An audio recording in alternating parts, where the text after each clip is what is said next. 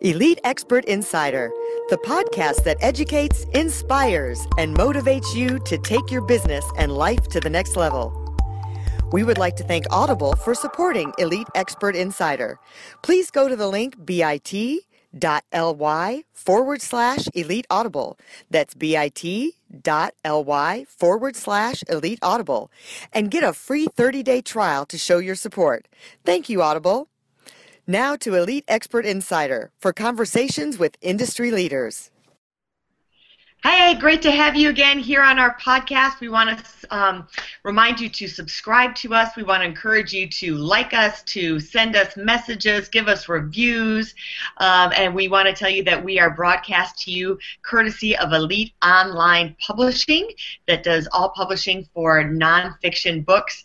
We like things that educate, motivate, and inspire people. If you have a book inside of you, please contact Elite Online Publishing and subscribe to our podcast here today today. So we have a great story coming up for you.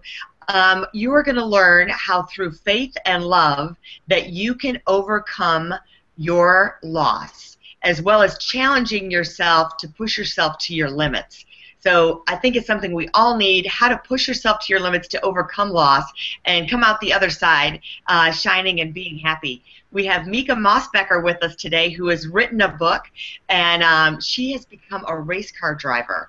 So we are going to hear about her book. We're going to hear about her journey. Uh, Mica, thank you so much for joining us on our podcast today. No, it's great to be here with you. Thank you so much for including me.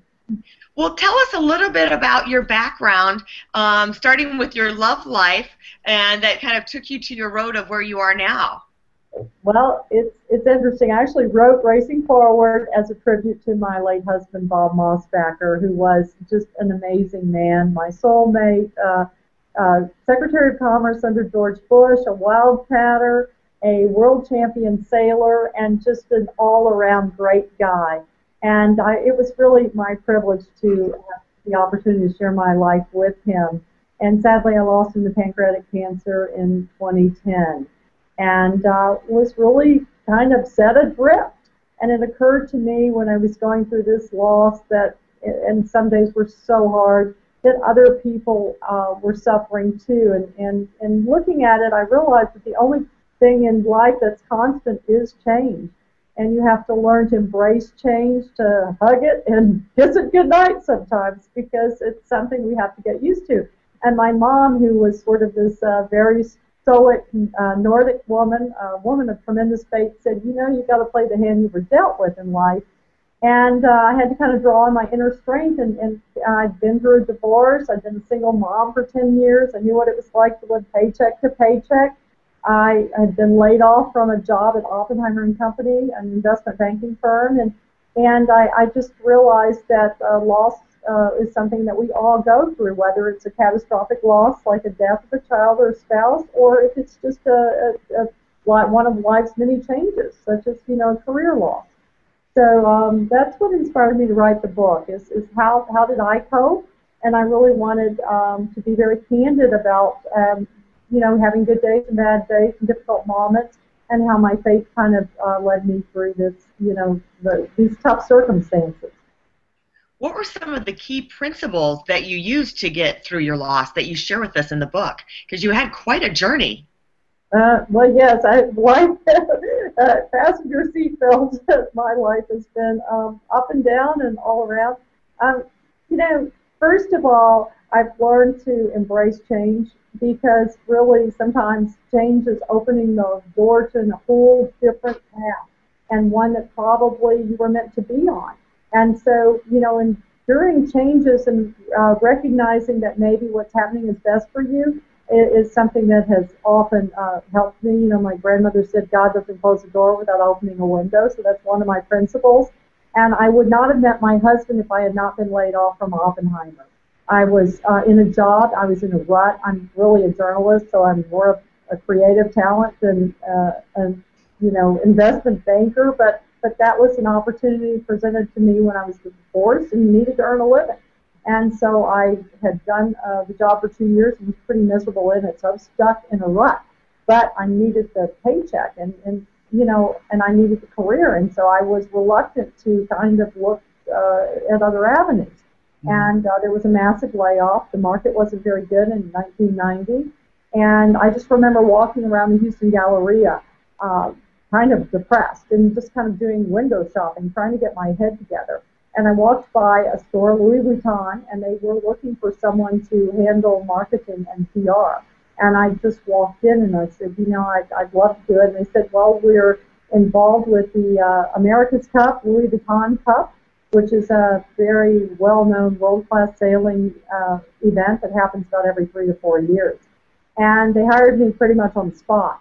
And so I went home that night with a new job. And in the process, uh, the store was moving to new quarters at the Galleria, and they wanted to have a fantastic party, you know, just really have this great launch party. And so the sky was the limit in terms of budgets.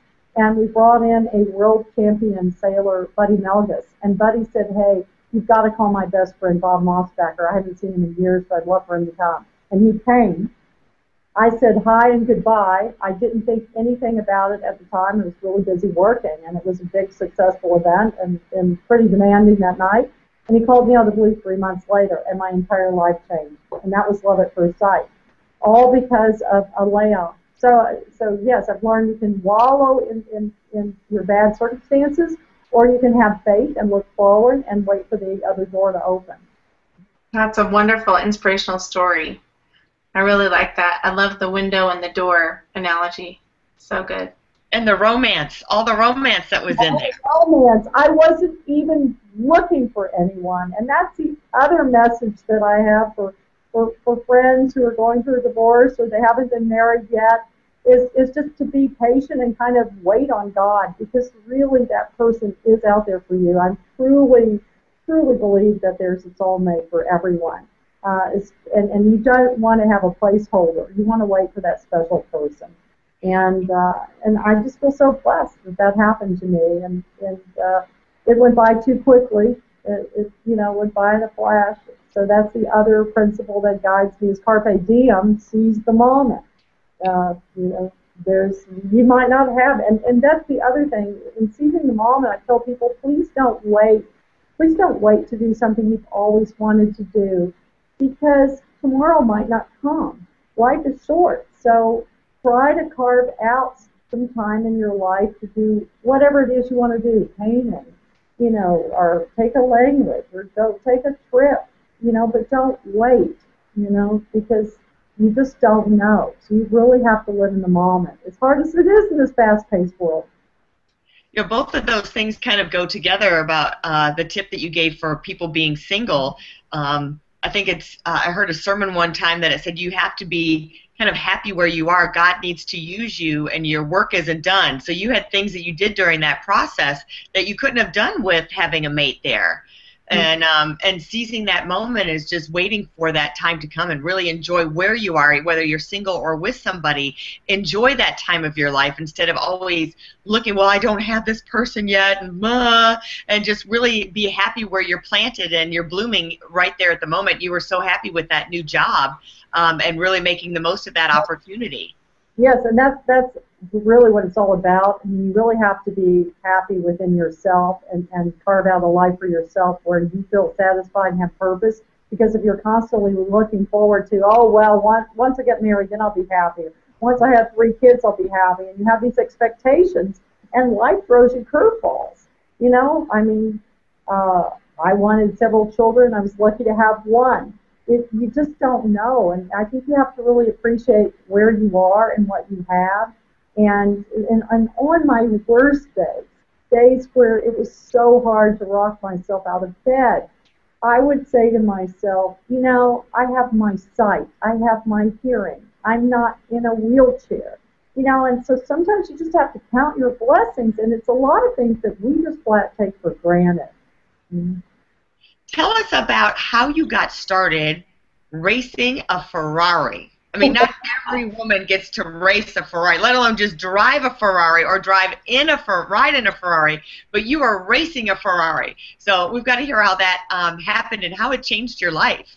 Well, you're you're talking to someone who used to be afraid of speed, especially if I was a passenger in my brother's car. He always drove too fast, and uh, you know, I kind of drove like the grandmother I am. And and my brother has uh, been a racing professional. He has a day job, but he's he's raced since he was in his 20s, and he started racing again in his 60s, and said. You've got to come out to the racetrack. I'm racing in Daytona, Florida at the Rolex 24 Hours, which is an endurance race, and you have to come. And I said, Well, I don't know. Bob is dying. I don't know if that's going to be possible, but, you know, I'll keep it in mind. And I think my brother really understood that I needed something to look forward to. And so he kept applying pressure. Mom wants to see me race too. She hasn't seen me race. And I said, well, Bob's in hospice situation right now. Let me just see. Well, uh, sadly he died, and the race was uh, several days later. And my mom and I flew to Florida, and it was raining and it was dreary, and I went to the track, and I was depressed. And I'm sitting in the pits looking at the track and wondering why I'm here. I felt so lost. And suddenly they started the engines. And my adrenaline kicked in. And before I knew it, I was sitting up on the block with the pit boss, as we call them. And the block is this kind of this elevated area where you are actually uh, in touch with the cars and the drivers by radio. And I was just like, I, you, I've got to have a radio. I've got to hear what's going on. I'm, I'm just was so involved.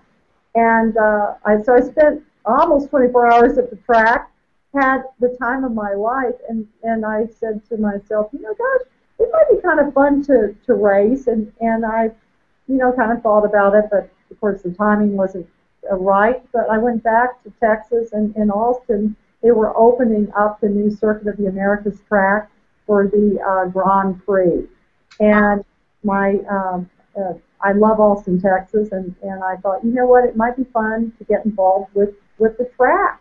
And so I was appointed to the host committee and attended the meetings and really was a part of the whole project and went to the inaugural Grand Prix and I was just totally hooked. I mean, the next thing I knew, I was learning all about the uh, race car drivers, the famous drivers like Lewis Hamilton. I was just totally hooked. And one day I took a picture of a Ferrari because they had so many hot cars out um, in Austin at uh, downtown because of the, the races and, and people coming in, racing fever. And I took a picture of this car and sent it to my brother, and he texted me back. He said, "You need to buy one."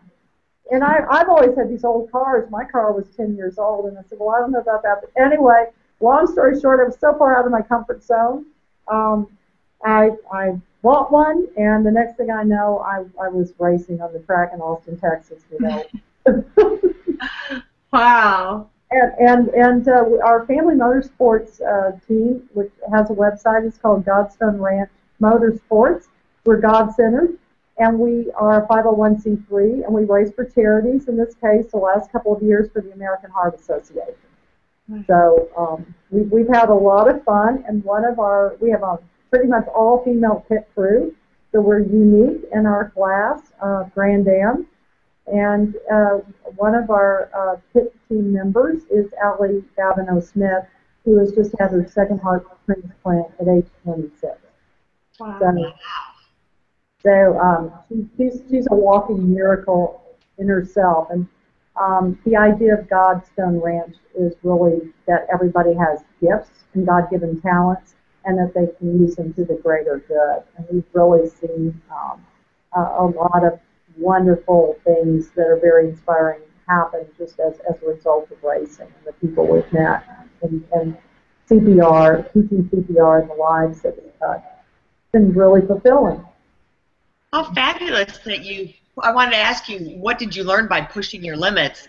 But I'm seeing some of the fruit that you got from pushing your limits. You started this whole 501c corporation and it's just filtering out and you're um, helping so many people through that. That was a gift that came from it, which wasn't even your intention. It was. It, it was. Yes, it wasn't my intention at all. It was the last thing. I've never even been to NASCAR.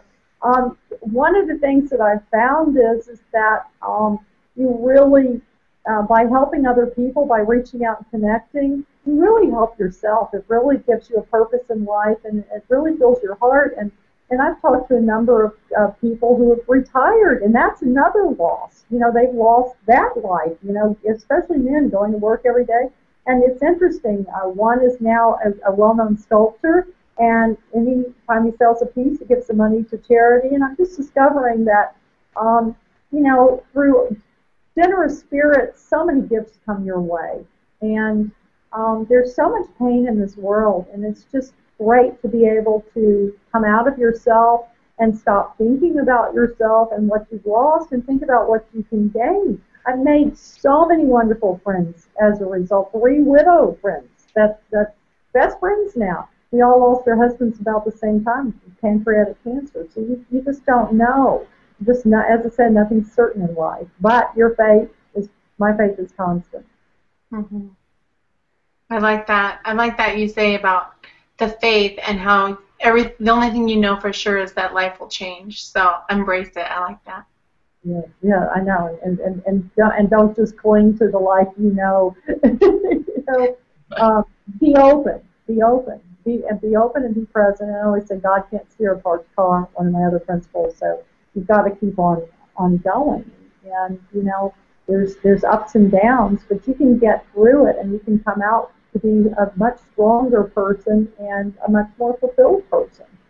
Um, as a result. transcended into um, you writing your book you got so inspired with everything you were doing you wrote your book and we're always curious um, being that we're authors too we like to share people's message of how you actually wrote your book and what were some of your secrets to get your book published because there's so many people out there that want to write but don't know how to discipline themselves so tell us kind of how you disciplined yourself to write your book and how you put it all together well, for, for me, it was a little bit easier because my uh, early career was in journalism. I was a communications major at the University of Texas. I interned at um, the NBC affiliate in Houston as a on-camera uh, woman, on-camera reporter back when there were very few. Um, fact, so far back that people will not remember who she is, but Jessica Savitch was with the uh, uh, CBS affiliate, I think it was CBS. Anyway, Jessica, very well-known anchor woman. It was a time when women were really just breaking ground. Now, you know, more female pundits on TV, I think, than, uh, than males, but not at the time.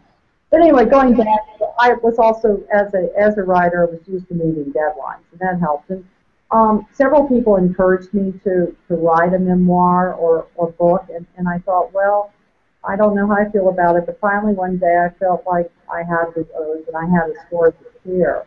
And, and I wanted to share that life had, that my life might have looked wonderful and fabulous from the outside, but it wasn't something that um, just happened. That it was attitude, and I'd been through a number of losses and changes in life to get to that place. So I put some notes down on paper, and I kind of outlined it, and then um, I knew of a publishing house in Houston, Bright Sky Press, because a friend of mine had published her book through them. And it's an all female publishing company, it's very professional. And I met with the publisher and I pitched the idea and they bought it. And I, I just remember that day because it's so scary to put yourself out there. What if they don't like it? What if, you know, and I really wanted to sell it.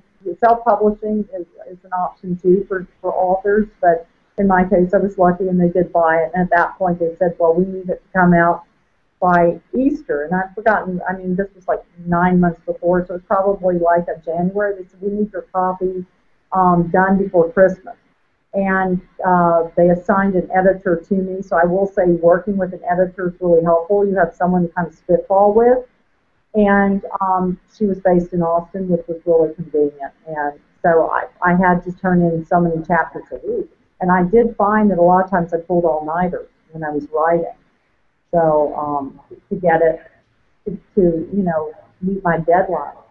But finally, I turned it all in. Uh, I remember in person, in all the sessions, I handed it to my editor. I said, I just don't trust, I don't trust anything technical because we've had some disasters along the way. Copy would get lost um, you know, fortunately, it usually had backup. But anyway, I turned it in. It was such a relief.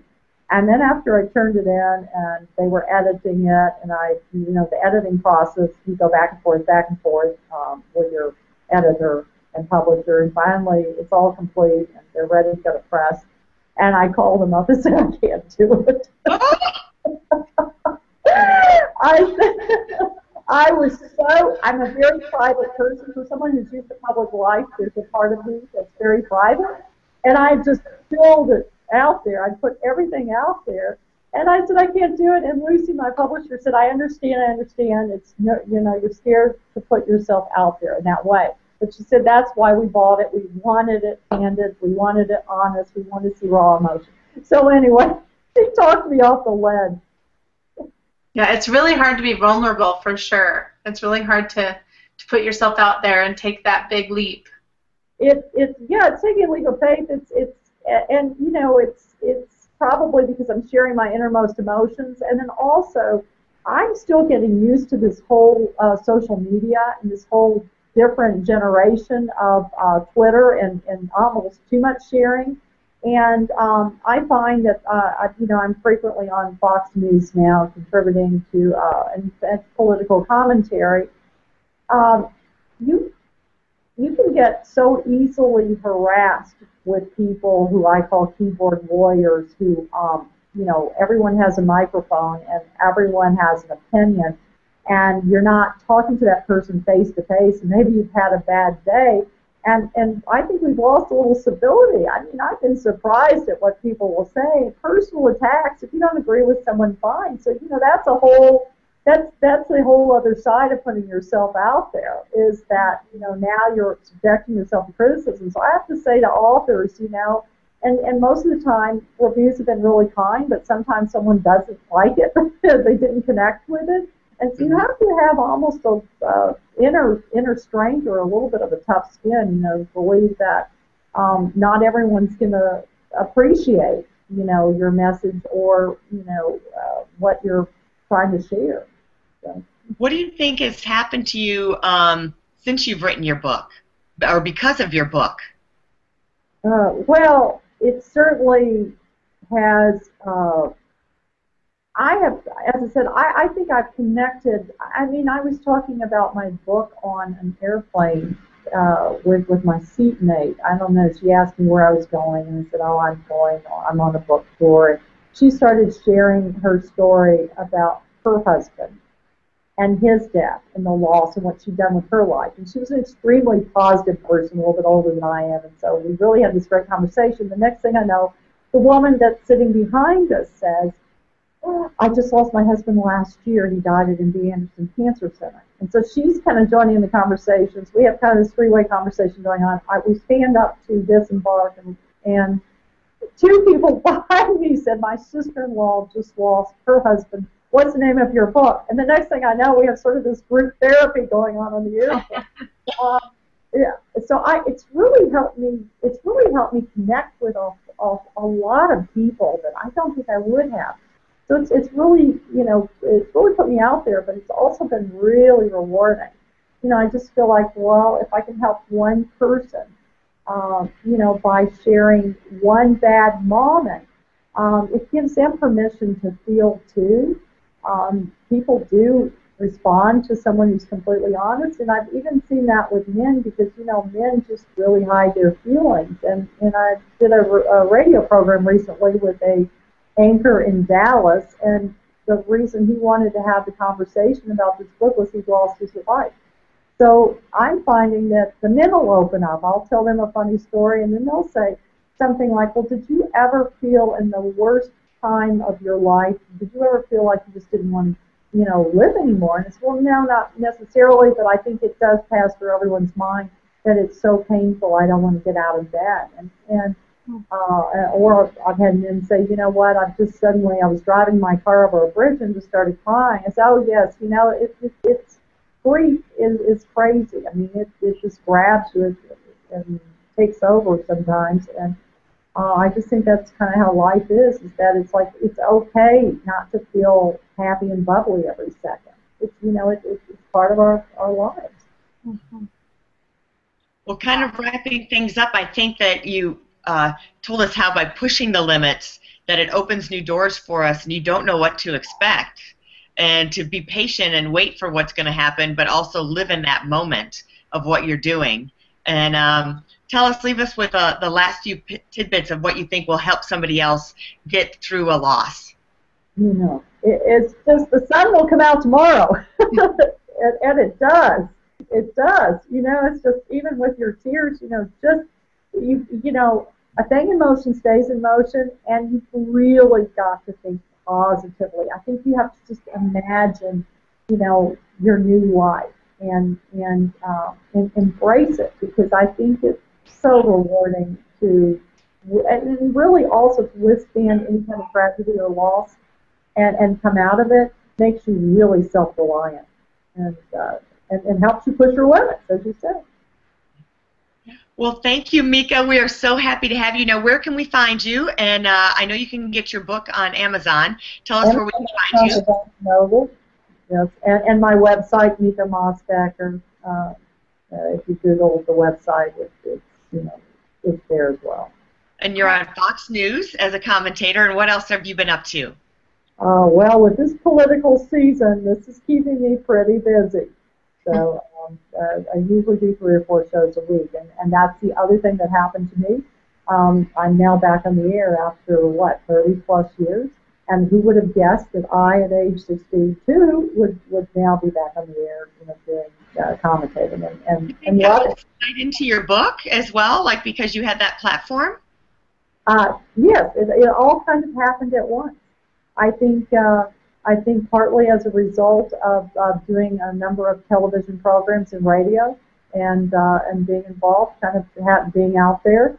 Um, that phone call came out of the blue. I will say that I did not pursue it. Uh, they found me, so that's been great too.